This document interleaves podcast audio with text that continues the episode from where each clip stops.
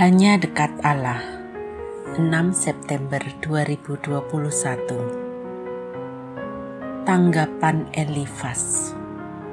Ayub 4 sampai 5 Kemungkinan besar keluh kesah Ayub mengagetkan para sahabat Ayub.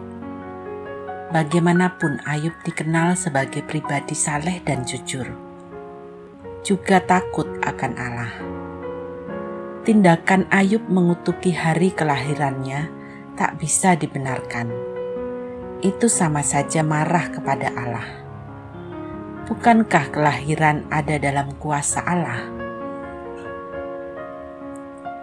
Tak bisa menahan diri. Elifas pun menegur Ayub. Ayub, kesalkah engkau bila aku bicara? Tak sanggup aku berdiam diri lebih lama banyak orang telah kau beri pelajaran, dan mereka yang lemah telah kau kuatkan. Kata-katamu yang memberi semangat, membangunkan orang yang tersandung, lemas dan penat. Tetapi kini engkau sendiri ditimpa duka. Kau terkejut dan menjadi putus asa. Bukankah engkau setia kepada Allah? Bukankah hidupmu tiada celah? Jika begitu, sepantasnya lah engkau yakin dan tak putus asa. Ayub 4 ayat 2 sampai 6 Alkitab Bahasa Indonesia masa kini. Elifas tampaknya tak percaya dengan apa yang didengarnya. Jika itu dikatakan oleh orang biasa, itu terasa wajar.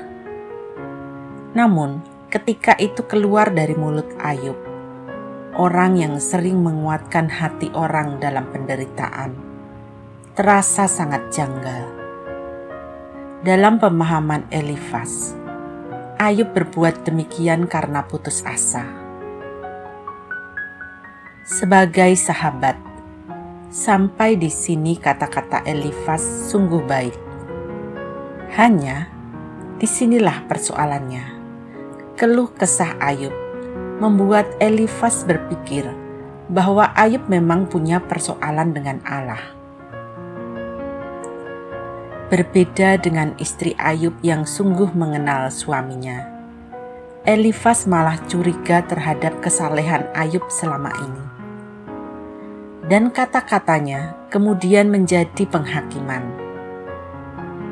Camkanlah ini, siapa binasa dengan tidak bersalah dan di manakah orang yang jujur dipunahkan?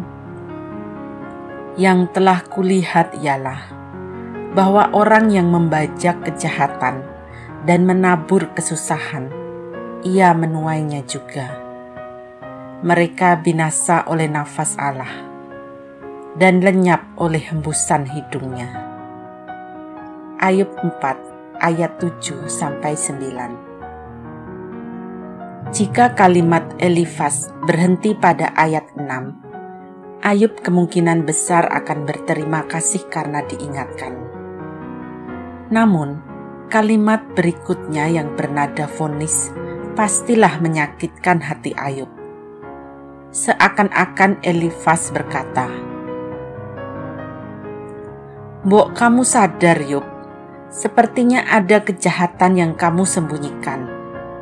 Akuilah dan bertobatlah. Selanjutnya Elifas berkata, Sesungguhnya berbahagialah manusia yang ditegur Allah. Sebab itu, janganlah engkau menolak didikan yang maha kuasa. Karena dialah yang melukai tetapi juga yang membebat. Dia yang memukuli, tetapi yang tangannya menyembuhkan pula. Ayub 5 ayat 17 dan 18 Kalimat-kalimat Elifas ini terkesan menguatkan. Namun sejatinya Elifas hendak mengatakan bahwa semua itu teguran Allah. Dan itu berarti Ayub memang bersalah. Salam semangat dari kami, literatur perkantas nasional, sahabat Anda bertumbuh.